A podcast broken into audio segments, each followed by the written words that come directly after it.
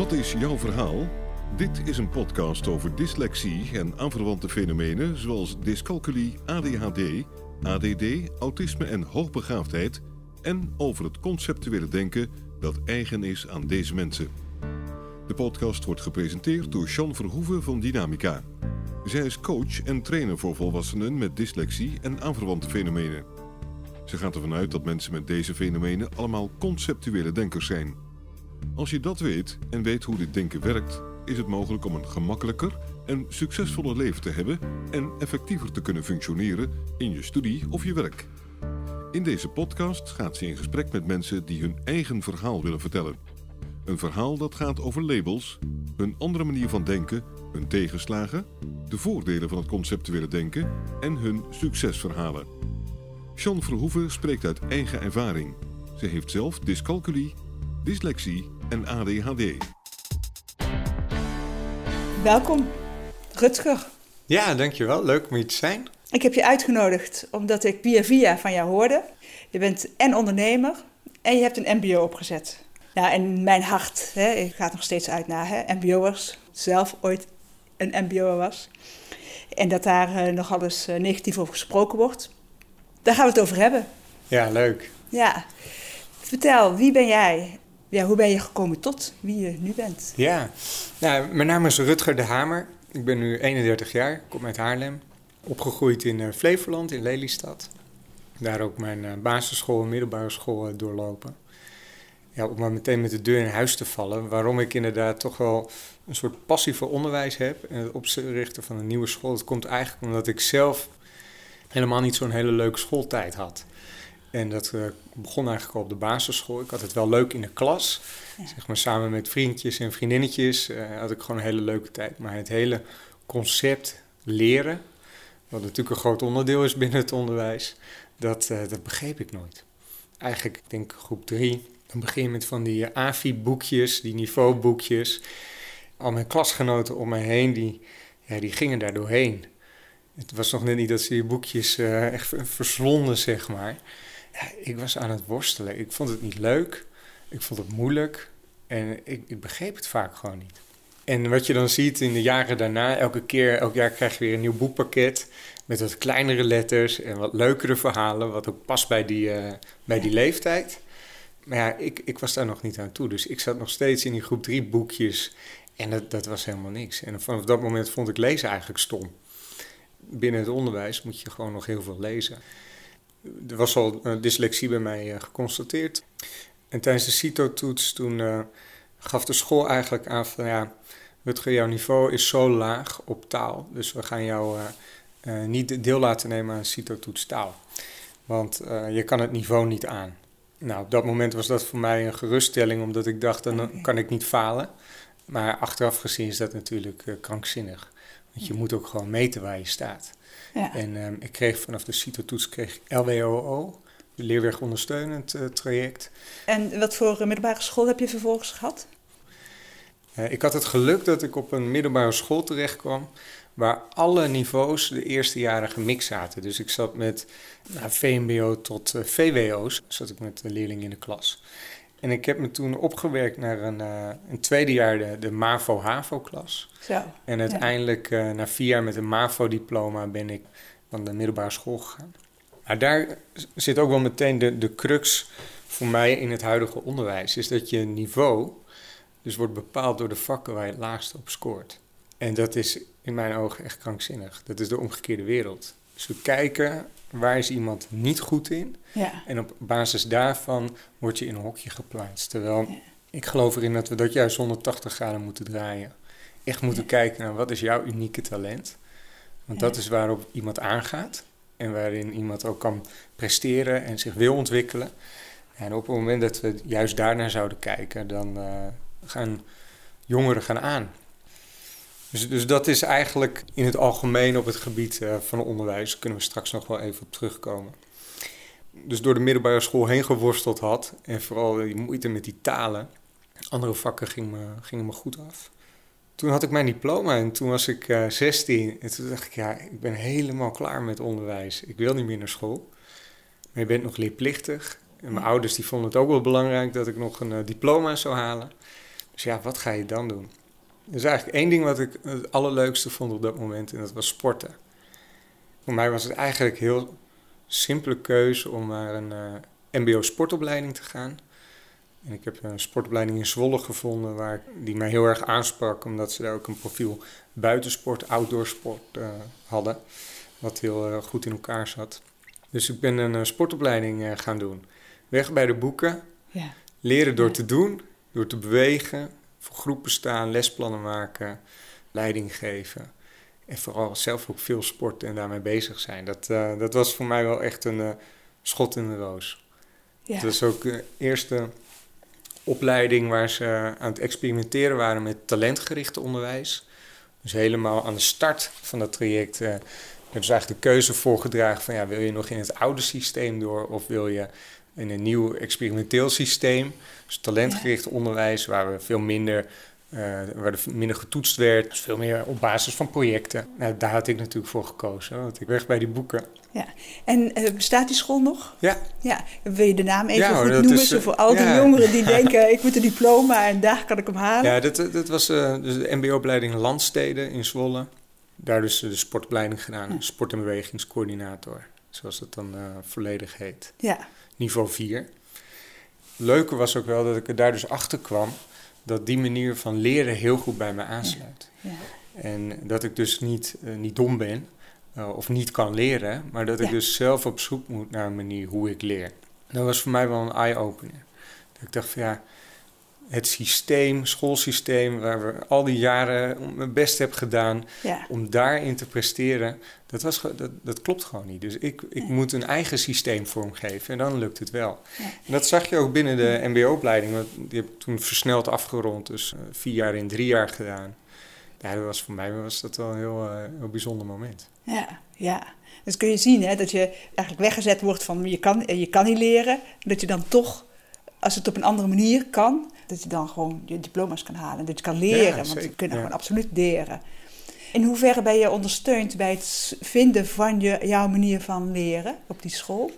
Als je kijkt in het traject daarvoor, ik heb heel veel uh, bijles gehad. Al eigenlijk vanaf de overgangsperiode naar de middelbare school, gedurende de hele middelbare school. Als ik daaraan terugdenk, dan was het allemaal heel goed bedoeld het heeft me ook geholpen om inderdaad binnen die kaders van het onderwijs daar dus wel de stappen te zetten. Maar wat ik eigenlijk, ja, wat je daarin ziet, is dat we proberen de dingen die we doen, proberen we uh, beter te doen. Dus dat is eigenlijk altijd, de, vraag is, oké, hoe doen we de dingen beter? Maar volgens mij zou de vraag moeten zijn, doen we de goede dingen? Ja. Dus al die uren bijles, die hebben eraan bijgedragen dat ik binnen eh, die bepaalde structuur dus inderdaad dat stapje zetten, dat ik een, een toets, een SO of een tentamen beter maakte en dus een cijfer haalde. Als je vanuit een school uh, kijkt, dan is het natuurlijk ook gewoon heel simpel. We willen leerlingen een diploma laten halen. En dat is een andere doelstelling dan dat je zegt we willen een leerling voorbereiden op hun toekomst. En er zit natuurlijk wel veel raakvlak, maar uiteindelijk zou het moeten gaan hoe bereid je iemand voor op zijn toekomst. Ja. En dat kan niet in een systeem, want dat is altijd gepersonaliseerd. En grote systemen, scholen, ja, die, die kunnen daar gewoon niet mee omgaan. Het is toch een beetje een one-size-fits-all model. En ze hebben dan de niveaus waarin je ingedeeld wordt. En op basis van dat niveau gaan ze met je aan de slag. Ja, er zitten natuurlijk heel veel super gepassioneerde onderwijzers in onderwijsland. Die het echt ook allemaal willen. Maar vaak laat het systeem het ook gewoon niet toe. Om echt te kijken wat is er nou nodig voor die ene leerling of student in tijd, energie, middelen, et cetera. Ehm, je omgeving is toch altijd een soort maatschappelijke druk, dat je maar doorgaat met studeren. Want als je een HBO-diploma hebt, nou, dan heb je echt een waanzinnige toekomst voor de boeg. En dan uh, kun je carrière maken en een goede hypotheek krijgen. Dus dat, dat hoor je toch veel om je heen. Ja. Op een gegeven moment, als je dat vaak hoort, dan ga je daarin geloven. Dus ik ging ook zo'n grote onderwijsbeurs in Utrecht had je toen nog. Ik liep daar de ene stand was nog mooier dan de ander.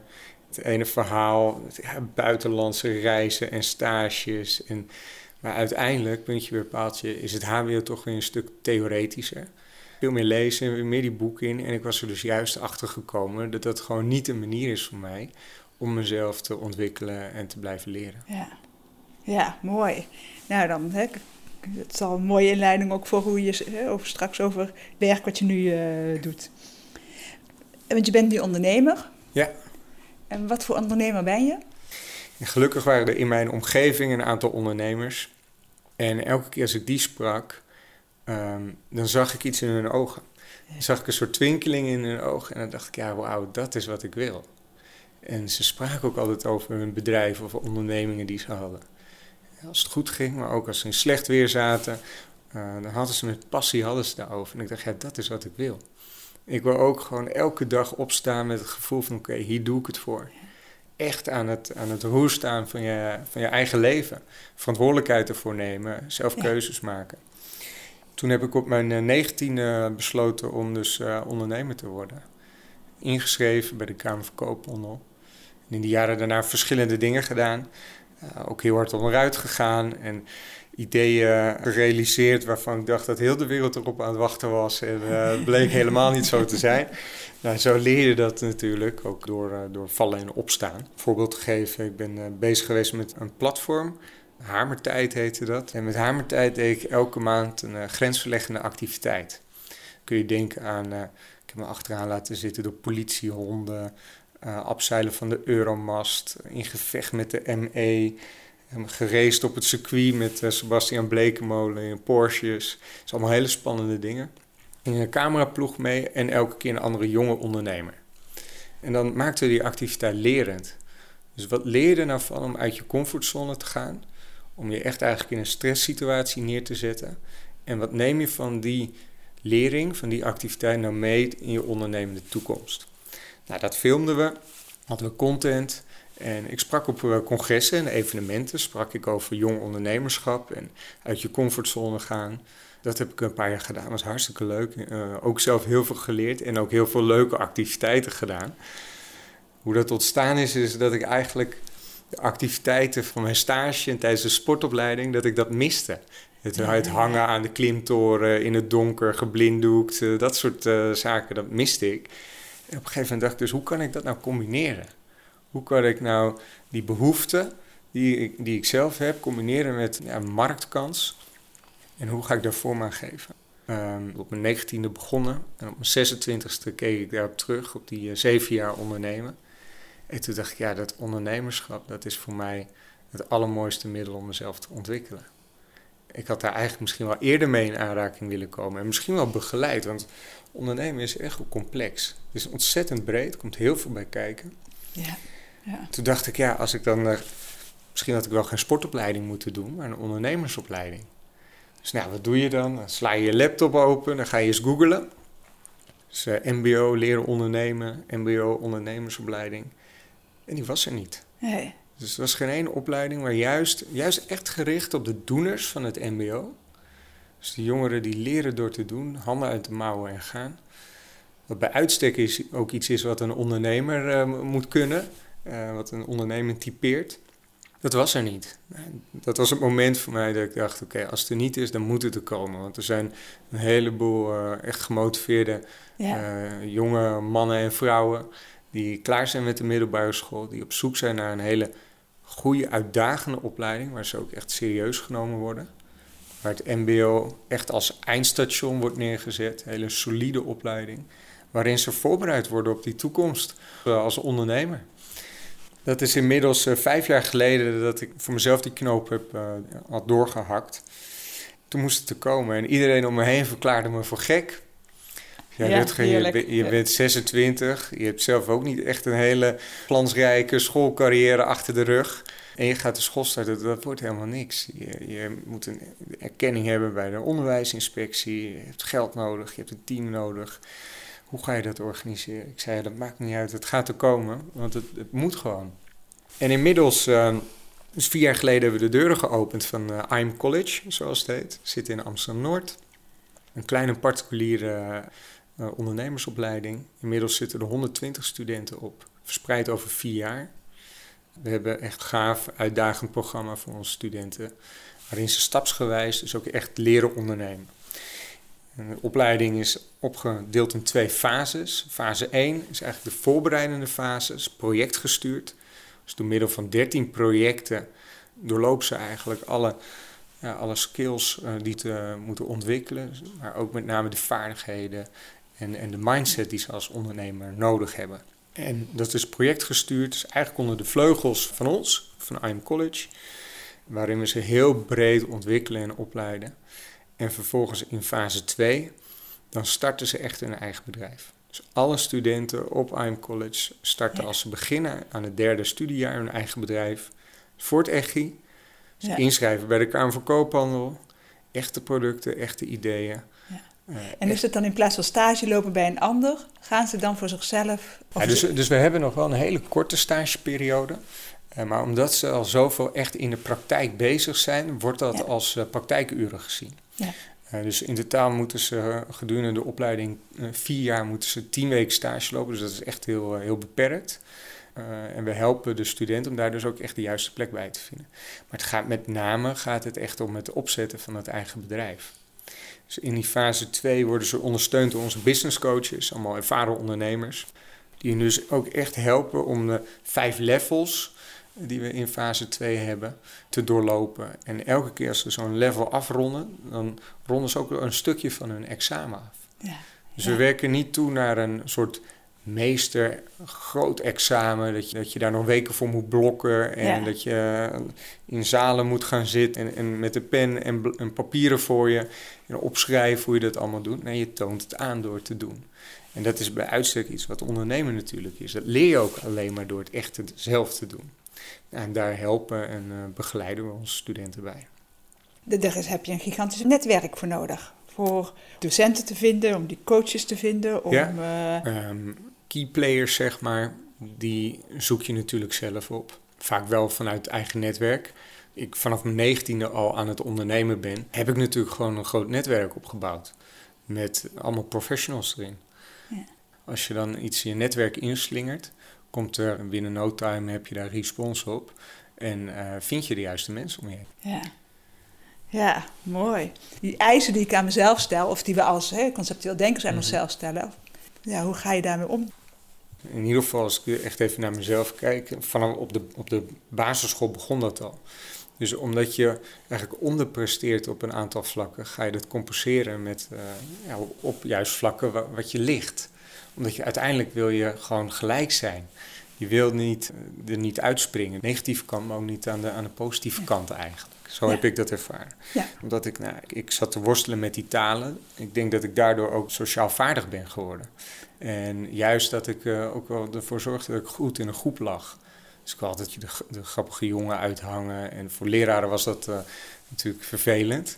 Soms dan kreeg ik ook wel eens de stempel van ja, vervelende jongen. Altijd maar Rutger met zijn grappen en grollen. Heel vaak moest ik, werd ik uitgestuurd bijvoorbeeld. Uiteindelijk is dat natuurlijk ook gewoon vanuit onzekerheid. Omdat je inderdaad denkt ja, ik, ik wil gewoon ja, geaccepteerd worden, ik wil ertoe doen. En op, dat, op het vlak van taalonderwijs lukt me dat niet. Dan ga je op een ander vlak, dus bijvoorbeeld door grappig te zijn of proberen te zijn, ga je dat uh, overcompenseren.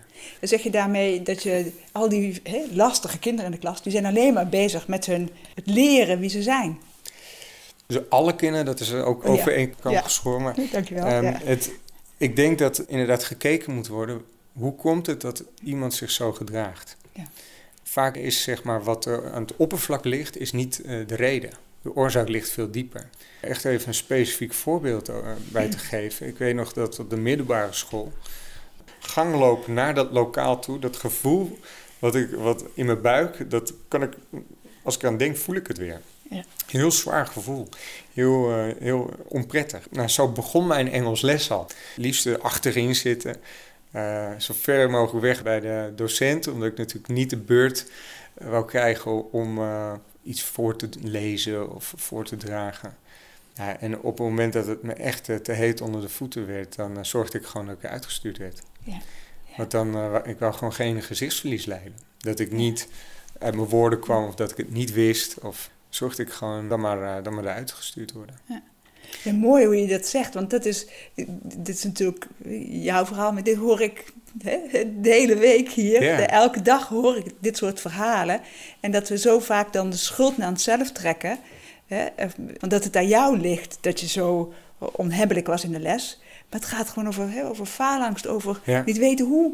Kijk, uiteindelijk is het, we moeten het ook niet goed praten, want het is natuurlijk uiteindelijk, het, het is niet goed om uitgestuurd te worden of om te spijbelen.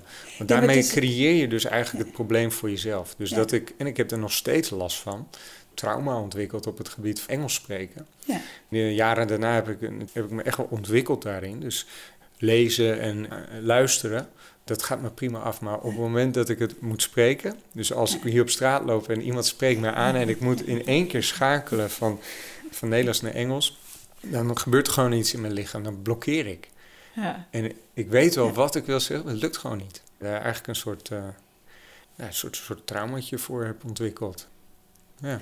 Want waarom ik het zo belangrijk vind, hè, is dat, dat je dit zo mooi eh, zegt, is dat ik zo vaak hoor van, ook van ouders, maar ook van leerkrachten.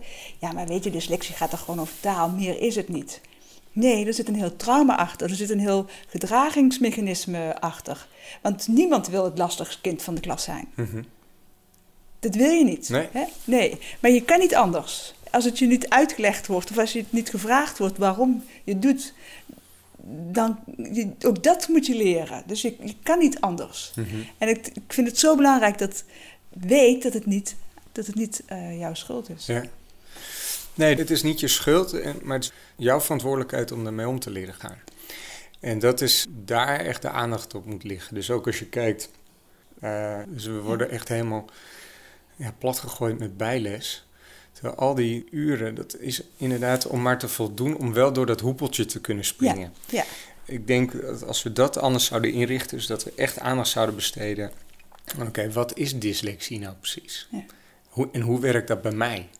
En dat is dus anders dan het, eh, iemand anders uit mijn klas die misschien ook dyslexie heeft. Maar hoe werkt dat bij mij en hoe ga ik daarmee om? En hoe bouw ik aan mijn zelfvertrouwen om daar ja, mijn eigen middelen in vorm te geven, dus wat bij mij past? Ik denk dat dat een veel effectievere, en efficiëntere manier is ja, om, om zoiets aan te pakken. ja. Ik, ik heb op een gegeven moment, pas eh, jaren later, heb een- een boek gelezen. Dat heet eh, De Gave van Dyslexie. En toen ik dat las, toen, ja, toen dacht ik, ja, nu begrijp ik het pas. Ja. Nu snap ik hoe het werkt. Dus inderdaad, dat ik niet als dyslect moeite heb met hele lange, ingewikkelde woorden. Maar dat het dus soms juist de meest simpele woorden, de, het en een is. Omdat ik als beelddenker daar geen beeld bij heb. Dus ik, ik heb geen ja, beeld wat het woordje de visualiseert. Wel ehm, een bruin paard. Ja, dan Ja. zie ik inderdaad een bruin vlak en dat wordt een paard. En, eh, maar die, juist die kleine woordjes, dat zorgt voor, voor onzekerheid in dat, het, het vormen van zo'n beeld. Ja. Toen ik dat las, toen dacht ik, ja, inderdaad. Nu, nu zie ik voor het eerst eigenlijk eh, hoe dat werkt bij mij. Ja, ik herken dat. Ik ben altijd een beelddenker. Dus dat is... ehm, de- de- ik geloof ook heel erg in dat, dat, dat ik daar veel aan heb als ondernemer zijnde. Dus als ondernemer, als je een nieuw initiatief begint... dan zie je eigenlijk iets voordat anderen dat zien. Zo werkt dat in ieder geval bij mij. Ja, als ik ja. eh, het idee dat ik, een, dat ik een school begin... dan zie ik gewoon fysiek een locatie vormen met studenten... die bezig zijn met bepaalde dingen... die wij dan gaan vormgeven. En hoe dat, dat ze een eigen bedrijf hebben. Ik zie het allemaal voor me, dat zijn beelden. En ik, ik kan het niet niet zien. ja. Juist dat, eh, dat beelddenken, op het moment dat je dat ook nou, dus bij jezelf herkent en erkent... en dus ook kan toepassen, dan kan het ook voor je gaan werken. Kan je daar dus gebruik van maken. Want die school opzetten, en je hebt het binnen een jaar gedaan, wat volgens mij heel erg knap is. Hoe heb je die, die stappen, Ja. hoe heb je dat gedaan? Ehm, dus je moet je omringen met mensen die beter zijn in bepaalde dingen dan dat jij dat bent. En zo kun je met elkaar een sterk team vormgeven. Als onderwijsinstelling moeten we gewoon een erkend traject hebben. Dus dat moet didactisch moet dat, eh, in elkaar zitten. Dus ik heb heel snel een onderwijskundige aangetrokken. Dus dat is onze huidige directeur onderwijs, die zat in Peru. Ik heb hem overtuigd om terug te komen naar Nederland en samen te gaan bouwen aan IM College. Dat is denk ik wel ook de, ja, kracht die ik bij mezelf heb ontwikkeld. Dus echt heel goed kijken waar ben ik goed in? Waar kan ik impact maken? Ja. Waar kan ik waarde eh, in creëren? Welke vakken niet? Ja. En op het moment dat je dat helder hebt, dan weet je dus dat je mensen om je heen moet gaan zoeken die juist die vlakken dus aanvullen. Die daar in hun element zitten en hun expertise hebben. En op het moment dat je dus omringt met mensen die allemaal eigenlijk op de juiste positie staan. En die echt vanuit intrinsieke motivatie op dat vlak passie en urgentie voelen om ermee bezig te zijn. Dan heb je vervolgens een sterk team. Waarmee je dus zoiets kan bouwen binnen een jaar. Ja, ja. Dus je zegt daarmee, het plopt zo op in Mhm. mij. Ook hè, dus dat netwerken echt heel erg belangrijk is. Ja, Ja. Als we het dan hebben over hè, wat onderwijs is, zou daar het vak netwerken heel erg belangrijk. Ja. Als je slecht bent in talen, dat je dan eh, dat mag laten vallen, dat je dan gaat leren netwerken. ja. Ja. Ik heb het daar natuurlijk regelmatig over. Vakken die je daar leert, vakinhoudelijk. Er zijn heel veel vakken, ik vind het gewoon onzin. Ja. Ik vind het echt gewoon onzin. Vooral in deze tijd. En al helemaal omdat je in mijn ogen de dingen die je zou moeten leren, die komen dus niet aan bod. Ja. Dus Ja. inderdaad, gewoon kennis over samenwerken, over leiderschap, persoonlijk leiderschap, Ja. gezondheid. Ja. Ehm, ja, en wij, wij hebben vakken als aardrijkskunde, eh, geschiedenis, talen. Natuurlijk is het super belangrijk dat je een, een basis hebt. Ik denk dat je heel snel vanuit die basis moet gaan kijken naar wat is nou echt het doel van, van onderwijs. En dat moet voorbereiden op de toekomst zijn. Een belangrijk onderdeel is dat je eigenlijk een leven lang blijft leren. Dus nou, hoe gaan we nou echt heel expliciet bezig met het leren leren? En hoe kan je dat nou eh, personaliseren? Dat, dat jongeren echt erachter komen van nou, dit is de manier hoe ik leer. En dit is hoe ik daar vorm aan geef. Een stukje motivatie, een stukje drive, ook discipline. Ja. Gewoon weten over gezondheid. Dus als je kijkt wat we in deze tijd allemaal eh, naar binnen schuiven, Ja. eh, zonder te weten wat voor effect dat heeft op je lichaam. Het zou moeten gaan over, over slaappatronen. Dus hoeveel slaap heb je nou nodig? Hoe ga je daarmee om? Ben je een ochtendmens of een avondmens? Het belang van beweging, van sport, voeding. Dat, dat, is, dat is cruciaal. Ja. Buiten natuurlijk alle sociale aspecten. Dus hoe ga je om met elkaar? Eh, we leven in een economisch systeem waar we belasting moeten betalen, bijvoorbeeld. Nou, daar leven we nou helemaal in. En hoe ga je belasting eh, betalen en waarom doe je dat? En hoe ga je om met geld? Hoe spaar je? Hoe zorg je dat je op een goede manier je geld uitgeeft? Ja. Dat, dat komt in mijn ogen veel te weinig aan bod. Dus eigenlijk gewoon het leren leven. Ja. En daar dus bewuste keuzes in te kunnen maken. Leren leren en daar met name je eigen pad te ontdekken. Het is wel mooi dat je dat ehm, zegt, want ik, ik, ik kan ook niet rekenen, ik heb ook dyscalculie. Maar ik durf hier wel te roepen, hè. ik, Gertrude kan rekenen, hè, die doet de financiële administratie hier, maar ik kan met geld omgaan. Maar ja, als er dan eh, die, die rekentoets die er nu is, nou, dan had ik nooit meer mijn mbo gehaald hè, met deze rekentoets. Maar die, die gaat helemaal niet over leren omgaan met geld. Dat gaat alleen maar over eh, ja, nou, tafels, eh, de achter elkaar zetten. Hè? Ik, ik kan het niet, maar dat gevoel met geld en wat ik uitgeef in de winkel en wat ik op mijn bankrekening heb staan, daar hoef ik, daar hoef ik niet voor te kunnen rekenen. Mhm. hè? Inderdaad, op, een- op een andere manier te leren rekenen. Ja, en dat je, het Ja. ook, dat je dus ook middelen die we tegenwoordig hebben, leert toepassen. Ja. Dus hoe maak je, als, als rekenen niet je sterkste kant is, hoe leer je nou heel goed omgaan met Excel? Ja. Dus dat je een systeem voor je laat rekenen. Ja. Hoe leren we onze studenten, leerlingen zoeken? Dus inderdaad, iedereen heeft zo'n telefoon. En de jongeren die hebben, is nog net niet versmolten in hun hand. Altijd overal is een soort onuitputtelijke bron van informatie in handbereik. Ja. Dus op het moment dat, nou, ik heb dus jarenlang geschiedenis gehad en een, speciaal, een specifieke datum van een of andere veldslag, ja, dat weet ik echt niet meer. Terwijl ik heb het wel maar moeten leren, het is allemaal getoetst.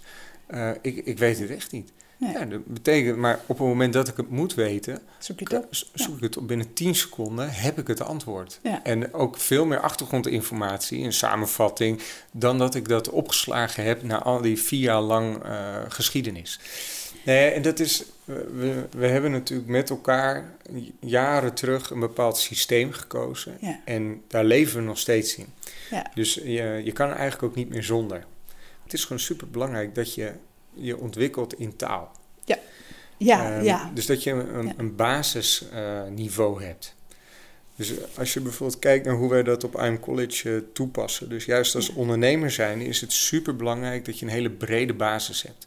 Dat je van marketing, van sales, uh, finance, uh, projectmanagement, dat je de, echt de basis hebt. Dus het voorbeeld wat je net zelf aangaf met finance, je bent niet goed in rekenen, dat besteed je uit. Ja. Ook als ondernemer zijn.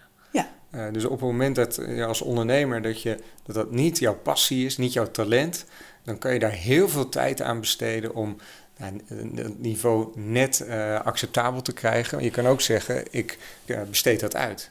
Want er zijn mensen die dat leuk vinden, die daar veel beter in zijn, die kunnen in een veel kortere tijd veel hoger resultaat uh, daarmee bereiken. Ja. Dat is allemaal prima, maar als, jij, als jouw boekhouder een jaarverslag naar je opstuurt, moet je het wel kunnen lezen. Zeker. Dus je moet wel begrijpen wat er staat. Nou, en dat betekent dat je dus wel een basis moet hebben. Ja. Dus de basis die, die moet voor iedereen gelijk zijn. En daarop, dat, dat vormt dus eigenlijk het fundament, een heel stevig fundament. En daarop ga je je eigen huis bouwen. En dat is weer voor iedereen afhankelijk, want je hebt een bepaalde interesse of misschien een talent uh, in, in marketing en sales. En dan ga je daarop focussen. Dan ga je zorgen dat je daar de beste versie van jezelf in wordt. Ja. Ja. Uh, en ik geloof erin dat, dat eigenlijk heel onderwijs zo opgebouwd zou moeten zijn. Dus die basis moet er liggen. En vervolgens kan je dus heel specifiek uh, kan je gaan uh, specialiseren. Ja, ja. En het is ook wel leuk. Ik heb de afgelopen tijd een aantal jongeren geïnterviewd voor uh, het boek waar ik mee bezig ben.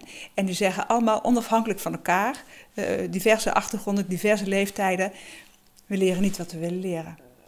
Over inderdaad ja. de belasting. Wat is nou belasting? Wat is nou, hoe, hoe koop je nou een huis? Uh, dat soort dingen. Maar ook dat, ze, dat ze allemaal een hele hoop dingen leren, maar niet leren één wie ze zijn en wat ze eigenlijk nodig hebben in de maatschappij. Ja.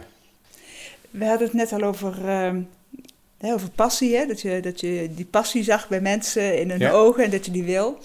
Ik uh, hoor nogal eens, hè, ik krijg hier veel, ja, als we het dan over jongeren hebben, veel jongeren die die passie niet hebben niet weet wat ze willen. En ik zie daarbij ook dat het er eigenlijk komt omdat het er nou, bijna uitgeslagen is. Hè? Doordat dat weer, uh, nou, wat op veel MBO's gebeurt. Je komt op de MBO, je krijgt je verslagen niet voor, uh, voor elkaar. En het gaat niet alleen voor mensen met, hè, geldt niet alleen voor mensen met dyslexie, maar ook voor met, mensen met ADHD, uh, eh, ADD, om toch maar even die labels te noemen.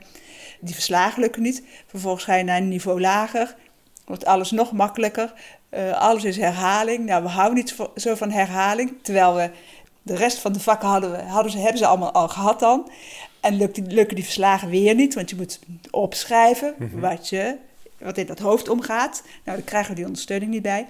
Dus die passie, die, nou ja, letterlijk uitgeslagen. Hoe krijg je dat weer... Um... Um, jarenlang op de basisschool, middelbare school, zijn ze gewend dat ze, dat ze in een klaslokaal zitten. Ze gaan zitten, beetje achterover geleund en wachten totdat de docent ze een opdracht geeft. We gaan nu dit maken, sla je boek open op pagina 44, we gaan dit behandelen, want volgende week hebben we een overhoring. Nou, en dan komen ze in actie. Als je bijvoorbeeld naar ondernemerschap kijkt, ja, dat gaat niet gebeuren. Dus als je als ondernemer, ben je echt de laatste, laatste schakel.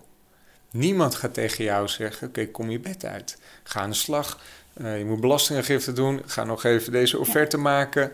Bedenk hoe je je marketing kan optimaliseren. Of hoe je een nieuwe doelgroep aan kan boren. Dat gebeurt gewoon niet.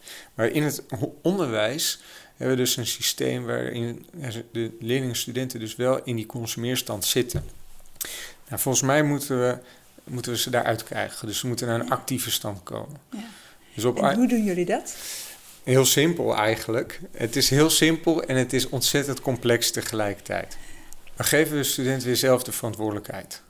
Ja. En een grip over zijn eigen ontwikkeling. En dat moeten ze dus echt zelf doen. Dus wij gaan niet als politieagent zeggen: je moet nu dit doen of je moet nu dat doen. Dus we hebben wel natuurlijk, want we weten dat ze eruit komen. Dus we moeten ze, eigenlijk moeten ze dat weer ontleren. En we moeten ze weer in die actieve houding krijgen. Want dan hebben ze bewust grip op hun ontwikkeling en kunnen ze daar keuzes in maken.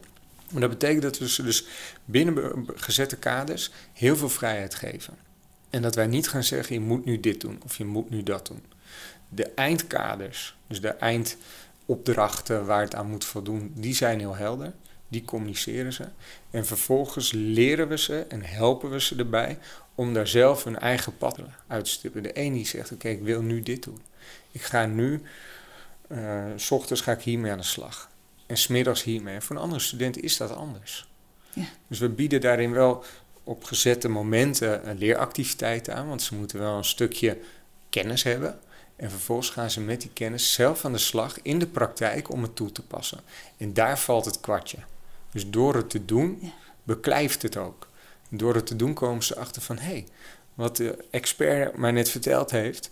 als ik dat zo en zo toepas, inderdaad. Het werkt of het werkt nog niet. En kan vervolgens weer teruggaan naar... oké, het lukt me niet of ik kom er niet uit... of hoe zouden jullie dit aanpakken? zo is dat dus opgebouwd. Ja, mooi. En je bent nu eh, vier jaar eh, bezig. Heb je al succesnummers? Eigenlijk is alles een succes. Ehm, dus wat je, wat je ziet, er komen jongeren komen bij ons binnen. Dan zijn ze 16, 17, 18. Dan gaan ze aan de slag. En als wij erin slagen om ze aan te krijgen, ja. dan zie je iets gebeuren. Ja. Dan, dan gaan ze ook echt aan. Dus we noemen dat dan vaak op IM College, noemen we van dat waakvlammetje wat bijna eigenlijk uitgedoofd is. Als, we, als dat weer gaat vlammen, nou, dan gebeuren dingen, dat is echt uh, waanzinnig. Dan zie je uh, jongeren tot bloei komen, die zie je echt uh, serieuze bedrijven starten. Ze zijn natuurlijk vier jaar bij ons en die ontwikkeling die zien we ook. Dat is heel mooi om daarin te kunnen helpen en ondersteunen. Nu deze zomer zijn de eerste studenten die inderdaad ook klaar zijn met het traject. Dus die met een erkend diploma ja, IM College uitlopen. Uh, maar met name, wat we echt belangrijk vinden, met een eigen bedrijf. Ja. Dus we hebben bijvoorbeeld iemand die heeft een eigen limoncello-merk, een kledingmerk, een make-up lijn. We zijn er uh, met een restaurant bezig, 3D-printing, schildersbedrijf. Dus dat is super divers. Ja. Daar zien we echt en ervaren we echt dat dat we deze jongeren, juist dus die doeners van het MBO, die de ambitie hebben om iets met ondernemerschap te doen, dat onze aanpak daar dus heel erg dienend voor is. Dus dat ze daar echte stappen kunnen maken en eigenlijk als springplank uh, voor zichzelf gebruik maken om echt de beginstappen als ondernemer te maken. En hele krachtige individuen eigenlijk te worden. Die dus weten, oké, wie ben ik, wat wil ik, hoe ga ik dat bereiken. En die in staat zijn om zelf werk te creëren. Dus die niet zoals ik met dat MBO-diploma marketing keken en dat er geen, uh, geen werk was. En met deze mannen en vrouwen die, uh, die zijn in staat om zelf werk te creëren. Impact te maken op hun eigen omgeving. Ook met mensen samen te gaan werken, mensen in dienst te nemen. En op die manier dus ook gewoon echt uh, op andere levens impact te kunnen maken. Ja, ja. Uh, hoe ziet het team eruit? Hoe krijgen die jongeren ja. zover? Ja, we hebben echt een heel sterk en heel divers team. Dus waar, we, waar ik eerder al uh, mee begonnen, het, het team waarmee we dit begonnen zijn, dat zijn gewoon hele kundige mensen. Dus ik werk met iemand die echt jarenlang ervaring heeft met hoe bouw je nou ondernemend onderwijs. En hoe geef je dat vorm? Nou, dat is super belangrijk dat hij ook echt die onderwijsfilosofie en die visie die wij daarin hebben ontwikkeld, dat hij daarachter staat.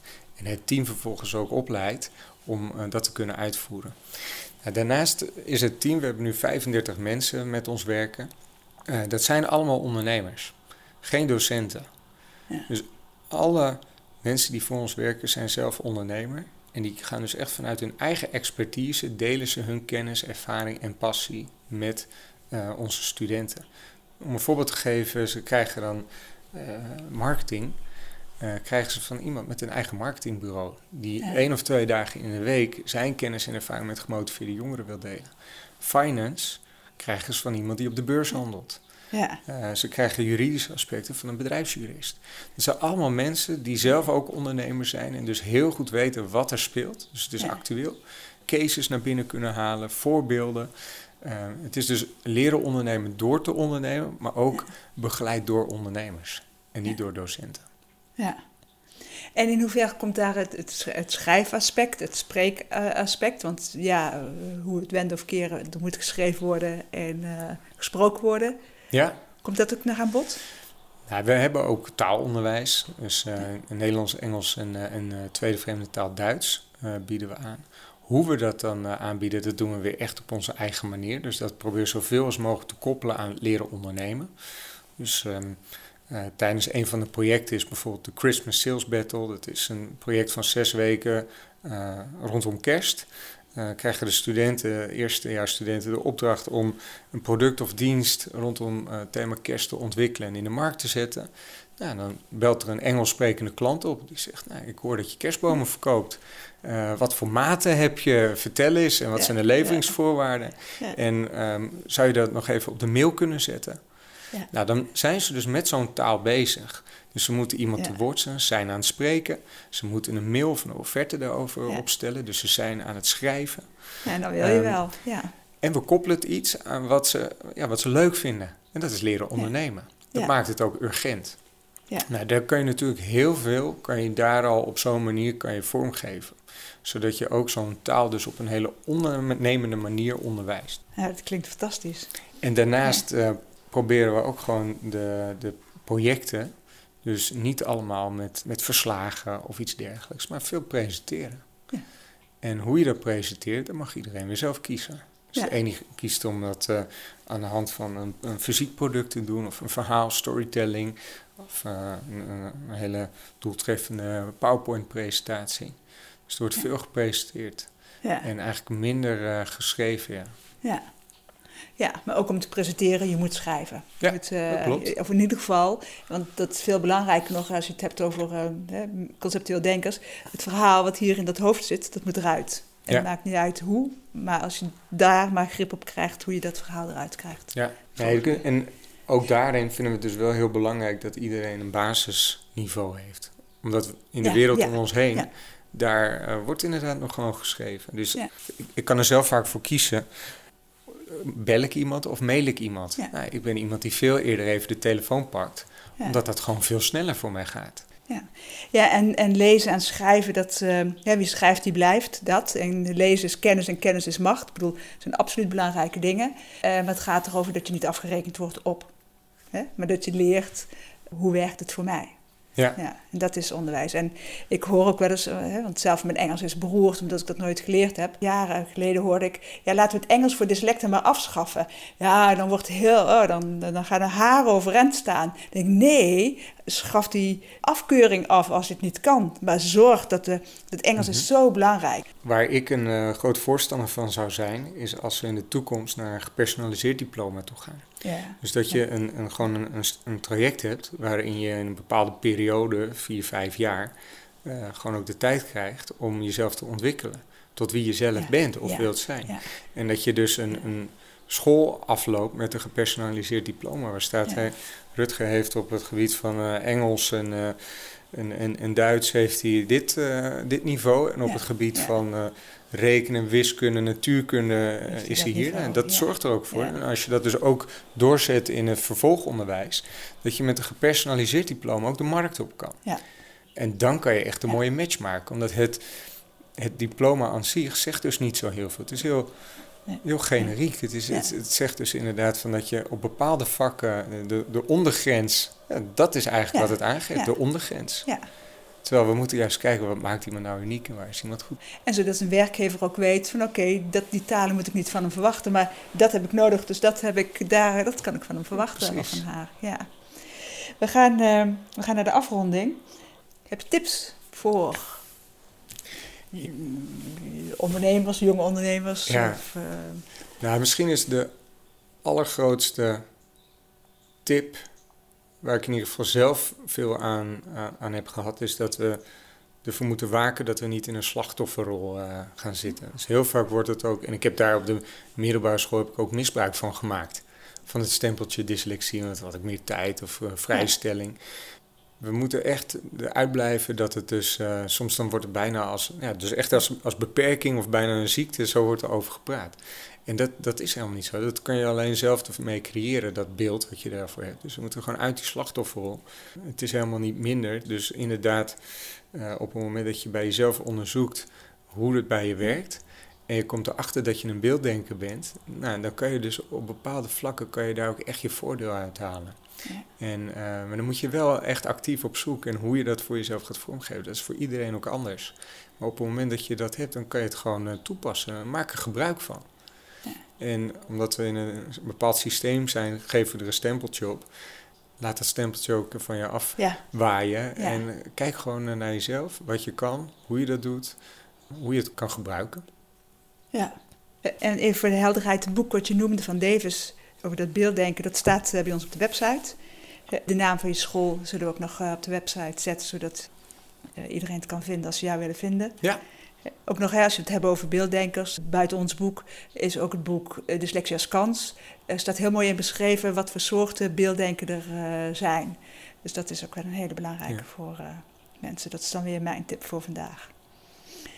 Nou, volgens mij uh, kunnen we nog uren doorpraten. Heel hartelijk dank. Fijn dat je hier uh, was. Ja. En nou, ik heb ervan genoten. Hartstikke goed. Ik ook. Dankjewel. Wil je reageren op deze podcast of heb je vragen? Stuur dan een mail naar podcast.dynamica.nl. De reacties zullen worden meegenomen in volgende podcasts. John Verhoeven geeft coaching, workshops en trainingen. Wil je meer informatie? Kijk dan op www.werkendyslexie.nl of www.geniaaloprechts.nl of bel 020 639 1099 020 639 1099. Jean Verhoeven heeft twee boeken geschreven over dyslexie, Slimmer dan je baas en Dyslexie, Stoornis of Intelligentie. Deze boeken zijn te koop in elke boekhandel.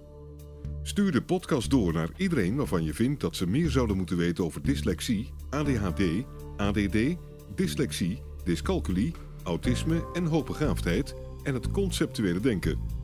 Deze podcast is gemaakt in samenwerking met Marcel de Hoog van Storytelling Media.